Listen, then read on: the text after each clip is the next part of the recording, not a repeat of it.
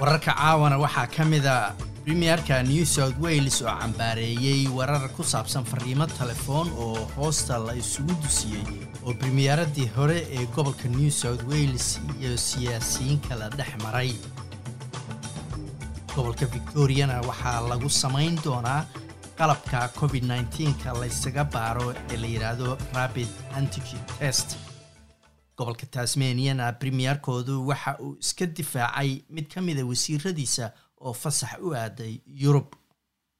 queenslandna. Waxa ay ku boorinaysaa waalidiintu inay markaasi tallaalaan caruurtooda ka hor inta iskuulladu aysan bilaaban. Dacwo sumcad dilida oo ka socotay maxkamadda una dhaxaysa ben roberts oo ahaa nin dagaalkii afghanistan australia uga soo qayb qaatay iyo warbaahinta nine ayaa dib u bilowday kadib lix bilood oo hakad uu ku yimid covid nneteen-ka awgiis. Wararkii covid-ka ee maanta iyo gobollada kala duwan ee dalka.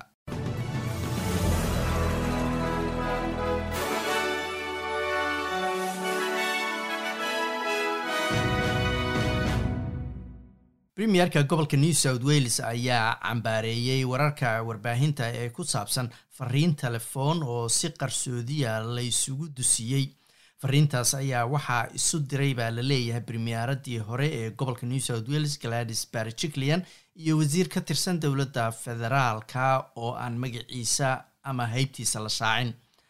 Fariimahan ayaa lagu sheegay in miss barjiclian ay ku tilmaantay ra'iisul wasaare scott morrison qof aada u xun oo ka fakera oo keliya siyaasadda iyo danihiisa oo aan ka hadlin ama kala jeclayn dadka. Laakiin premierka new south wales dominic perrotey ayaa u sheegay wariyaasha in dadka ay tahay inay ra'iisul wasaaraha wax ka weydiiyaan siyaasadda inta ay ku mashquuli lahaayeen. Fariimo hoos la isugu diray oo aan la hubin ama aan la xaqiijin.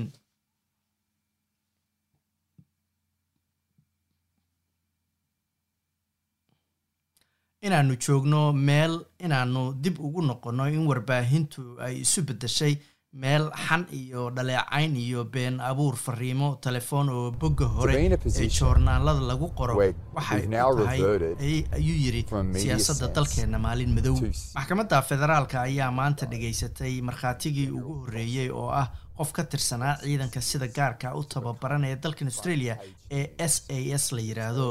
dhegaysiga maxkamadda ayaa ahaa dacwo sumcad dil ah oo uu maxkamadda keenay ben roberts oo dagaalkii afghanistan ka soo qayb galay wuxuuna dacwadan ku furay joornaalada ama warbaahinta shirkadda nine oo iyadu daabacdaha jaraydada ay ka mid yihiin sydney morning herald iyo the age. Maxkamadda ayaa maanta dib uga bilaabatay sydney kadib lix bilood oo covid-ka awgiis loo hakiyey. Ben roberts ayaa ku guuleystay biladda qaaliga ee la yidhaahdo victorian cross waxa uuna dacweynayaa warbaahintan kadib maqaal labadii kun iyo siddeed iyo tobankii ay qoreen oo uu ninkan leeyahay waxay si been ah uu iigu tilmaameen inaan ahay dembiilo dagaal. Sidaas daraaddeedna ay sumcaddaydii ku burburiyeen. Dhegaysiga maanta ayuu maer robert dafiray hadal ka soo yeeray askari hadda ka tirsan ciidankaasi sida gaarka u tababaran ee s a s oo sheegay inuu isagu goobjoog u ahaa maer robert smith oo askari ku amraya inuu toogto nin afghanistan u dhashay iyadoo markaasi ay socotay ama uu socday weerar ay ciidankaasi ku qaadeen xarun talibaanku uu lahaa. Maxkamadda ayaa waxaa hor iman doona ayaa la yidhi oo la dhegaysan doonaa ninkan xaaskiisii hore gabar uu hore ula saaxiib ahaa iyo xildhibaan andrew hasty oo baarlamaanka federaalka ka tirsan. Waxaa magaalada melbourne laga dhisaya ayaa layidhi warshad samaysa waxaa rabid antigen testiga la yidhaahdo oo lagu baaro xanuunka covid nneteen-ka taasoo soo saari doonta konton milyan oo rabid antigen testi ah sanadkiiba. Qalabkan ayaa ah kan qofku uu guriga isagoo jooga isaga baari karo covid nneteen-ka dowladda victoria ayaa sheegtay in shirkadda lumos diagnostics iyadoo kaashanaysa shirkadda kale ee planet innovation la siin doono qeyb ka mid a laba boqol iyo lixdan iyo siddeed dhibic shan milyan oo sanduuq lacageed oo loo qoonteeyey cilmi baarista iyo wax soo saarka ku aadan arrimaha covid nneteen-ka premierka gobolka victoria daniel andrews ayaa sheegay in qalabkan raadka la yidhaahdo marka hore lagu haqabtiri doono baahida victoria laakiin wixii ka soo hara loo diri doono gobollada kale ee dalka xataa ay dhici karto in dalka dibaddiisa loo dhoofiyo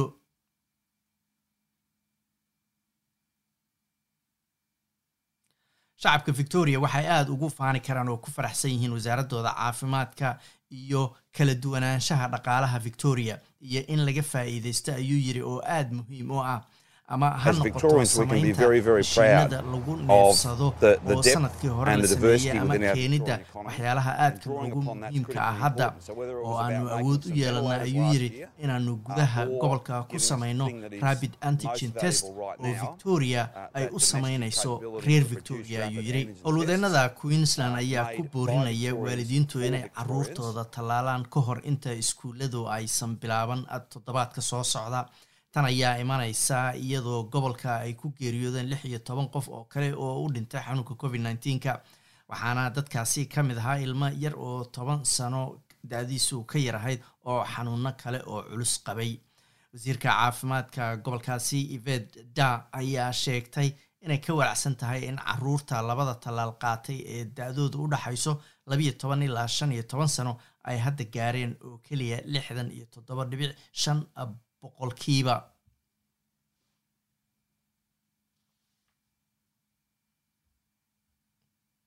waa tiro aada u yar. Caruurtani iskuullada ayay ku noqonayaan dhalinyarada iskuullada ayay dib ugu noqonayaa bay tiri mana jirto sabab ay tiradu sidaa ugu yaraato maadaama dadkeena qaangaarka ah ay sagaashan iyo laba boqolkiiba labada talaal qaateen ma jirto. Marka sabab tirada tallaalan ee caruurtu aysan taas ula mid ahayn ama u leekayn gobolka ayaa laga diiwaangeliyey sagaal kun iyo lix boqol iyo soddon kays oo cusub oo covid nneteena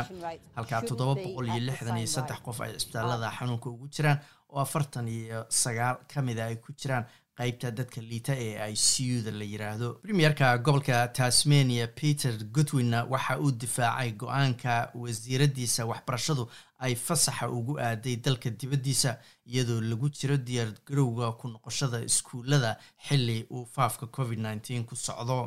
Sarah cordney ayuu covid nneteen ku dhacay iyadoo ku sugan dalka faransiiska. Haddana waxa ay ku jirtaa karantiil waxaana la filayaa inay tasmania dib ugu soo noqoto bilowga sanad iskuuleedka oo bilaabanaya febraayo sagaalkeeda. Xisbiga greenka ayaa cambaareeyey go'aanka safar ee miss corney isagoo kala mid dhigay safarkii ra'iisul wasaare scott morrison uu ku tegay hawaii iyadoo uu socday dab weyn oo ka dhacayay dalkan australia labadi kun iyo sagaal iyo tobankii. Hase yeeshee mr goodwin waa premierka tasmania ayaa sheegay inuu isagu ogolaaday in wasiiradiisu ay fasaxaado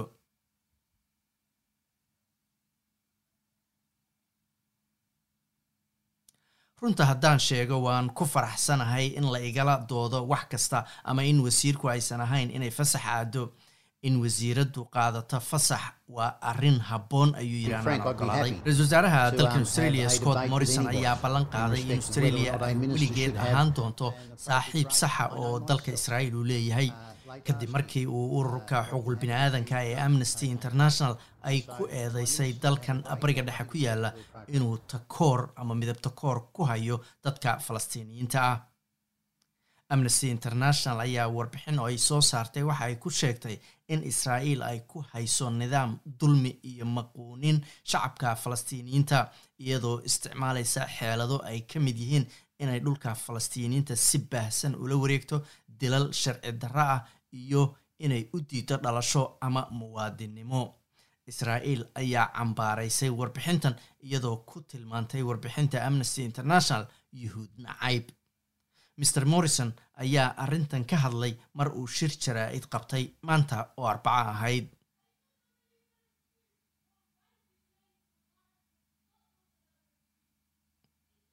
ma jiro dal dhammaystiran oo aan qalad gelin. Dhaliilahaas dalal badan ayaa loo jeediyaa laakiin waxaan idinka ballan qaadayaa in australia gaar ahaan dowladdaydu ay ahaan doonto saaxiib weyn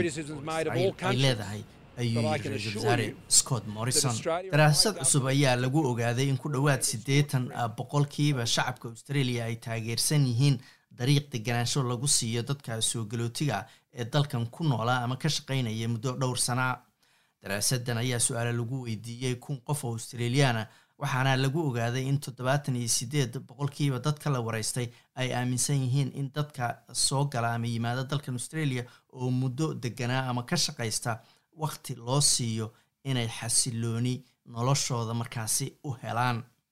David burg oo ka tirsan human rights law center oo ah hay'adda daraasadan markaasi howlgelisay ayaa sheegay in warbixintan lagu ogaaday in nidaamka soo galootiga ama nidaamka socdaalka australia ay waddadii ay ka luntay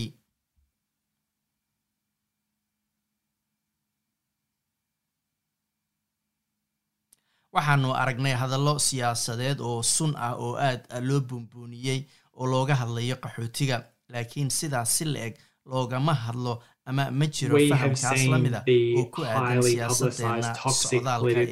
waxaan u baahanay nidaam socdaal oo dadka ula dhaqma inay yihiin dad ee aan loo arag aalad shaqaale lagu dangaaro waqti gaaban waxaan aaminsanahay ayuu yidhi in natiijooyinkan ay muujinayaan in shacabka australia ay taas aaminsan yihiin ama nagu raacsan yihiin berita oo khamiisa saadaasha hawada magaalada melbourne inta badan waa daruuro ayaa leeyahay koo iyo labaatan bayna gaaraysaa magaalada sydneyna xoogaa roobabaa la filayaa iyo labaatan iyo afar digrii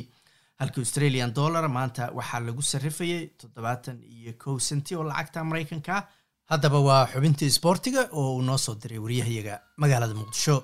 tartanka kubadda cagta ee qaramada qaaradda afrika ee ka socda dalkaasi cameron ayaa hadda soo gaaray wareegiisii samafinalka iyadoona ay isugu soo hareen afar xul oo ay ku jirto martigeliyaasha cameron kulmadii ugu dambeeyey ee wareegga rubuucdhamaadka senegal ayaa saddex iyo hal waxay kaga adkaatay xulka equatorial guinea masar iyo morocco ayaa ciyaar laysku daalay qaadatay boqol iyo labaatan daqiiqo laba gool iyo hal waxaa ku adkaatay xulka qaranka dalka masar ee ugu hanashada badan tartankan. Burkina faso ayaa iyana soo gaartay samafinalka markii gool eber ee kaga adkaatay xulka kubadda cagta ee tunisia. Kulankii kalena xulka martigeliyaasha cameron ayaa laba gool eber waxa ay direen xulka gambiya hadda qaybta samafinalka tartankani oo caawa iyo habeen dambe la kala ciyaari doono ayaa waxay xulalka isugu beegmeen xulka kubadda cagta ee senegal waxa uu caawa la ballansan yahay xulka burkina faso iyadoo habeen dambena xulalka masar iyo sidoo kale cameron ay furudda isdari doonaan. Laba ka mid ah dhallinyarada sida weyn ugu dhuun daloola islamarkaana isha ugu haya tartankan kubadda cagta qaramada qaarada africa ayaan la kulmay maxamuud cabdulqaadir jamuuni iyo sidoo kale axmed maxamed buruusi oo doodyar oo ku aadan tartankan aan dhex dhigay. Maxamuud ayaan ugu horreyntii weydiiyey sida sanadkan tartanku u muuqdo zaciimka aada umahadsan tahay. Horta tartanka africa sanadkan wuu ka duwan sanadihii hore marka la fiiriyo ciyaartooyda ka soo muuqanaysa iyo awood ahaan tartanka siduu yeeshay iyo xulal aan la filaynin oo tartanka ka haray iyo kuwa aan la filanaynin oo darajo sare hadda soo gaaray. Laakiin hadalheynta ugu badan waxay ahayd martigeliyaasha labada xul ay hogaaminayaan ciyaartooyda liverpool iyo sidoo kale burkina faso hadda isugu imaaday wareega afardhamaadka waana tartan isbeddel weyn sameeyey ciyaartooyda horumar sameeyeen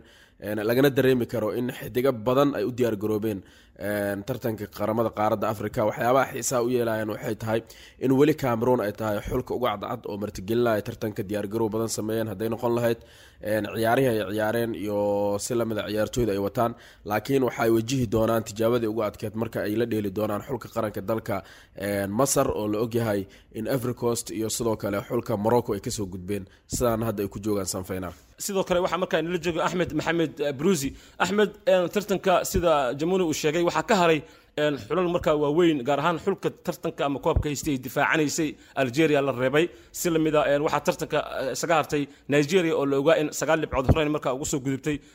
tunisia oo aad ogtahay tartankan inay qaaday sanado ayaa markaa la reebay. Tartanka sidee ayay u mooday sanadahan inuu kaga duwan yahay sanadii hore waa mahadsantahay siciimka sida cabdiqaadir jamuuni sheegay isbeddel badan aa ka muuqda sanadkan. Waxyaabaha la xusi karo waxaa ka mid ah xulka gaana oo iskaga baxday wareega koowaadba. Tunisi waa hartay algeria waa hartay. Hadda ciyaarta isha lagu hayo waa morocco masar iyo cameroon. Aniga waxaan qabaa sanadkan fursad weyn ay hortaala xulka cameroon inay guuleysanayso naadigan kalena qarankan kale senegal ma dhaleysan karo waa naadi isku xiran oo ciyaartooy fiican wadato sidomani iyo kulli kulabali kulli waa diyaarsan yihiin laakiin waxaa leeyahay dhulka iyo taageerayaashii amaa loogu qaaday finalna waxaa ciyaari doonaan insha allah saan filahay senegal iyo cameroon. Waa tahay maxamed cabdiqaadir ma la qabtaa saaxiibka markaasi brusi aragtida ku aadan in final marka labada xul ay isugu imaan doonaan horta cameroon way adag yihiin in adkaadaanna waxyaabaha aadka loo dhaliilayo warbaahinta hadaleyso waxaa ka mid ah in gacan saddexaad jirto oo aada loo caabinayo hadday noqon leed garsoorka hadday noqon leed siduu eeto uu u maamulay tartanka. Waxaana taas laga dareemi karaa ciyaartii camerus ay wajaheen in goolhaay la'aan dhacday oo ciyaartooydii qaar la ganaaxay. Daqiiqadii labaad roose la siiyey kabtanka camerus sidoo kale saddexdii goolhaaye midna ka dhaawacnaa labana coronavirus laga sheegay. Midkood markuu soo caafimaadayna haddana la dhahay shan maalmood waa inuu karantiil galaa garsoorayaasha loo maleynayaa inay cameroon wadaan. Laakiin tijaabada ugu adag waxay mari doonaan xulka qaranka masar. Markay la ciyaari doonaan waxaa la arki doonaa sida loo maareeyo masar midikaal ahaan amaba diyaar garow ahaan ama garoonka la geyn doono ama haddii taageerayaashoodii la caburin doono garoonka laga joojin doono ama ciyaartooyda qaar ee xulkaas ugu firfircoon haddana mar kale in la dhihi doono karoonay qabaan. Marka waxaa la leeyahay cameroon waxay kaashanayaan awoodoodii hadday noqon leed dhakhtarnimadii hadday noqon leed garoomada qaar ay dadka geenayaan in taageerayaasha qaar ay celiyaan. Marka waa laga yaabaa inay gaaraan finaalka oo ay masar ka gudbaan wado walbay noqoto. Waana inta uu tartanka markii uu bilowday waa xulkii ugu adkaa ay wajahayaan. Tani markii guruubyada la eego wareegyadii ka soo gudbeen marka masar ayay uga adkaan doontaa. Waa tahay waxaan markaasi soo gabagabayn doonaa dooda brusi ugu dambeyn xulkaad is leedahay tartankan hadda gacantuu ku dhigi karaa oo koobka qaramada qaaradda africa laba kun iyo labaiy labaatanka waa loo calayma saari karaa. Ayaa is leedahay? Haddaad ra'yiga ka dhiibtid cimko aniga waxaas leeyahay xulka senegal waa arkay laakiin cameroon ama qaadaas leeyahay cameroon. Cameroon. Waa cadcad. Waa tahay maxamed ugu dambeyn yaa u saadalinay ani waxaa u saadaalinayaa masar inay koobka guuleysan doonto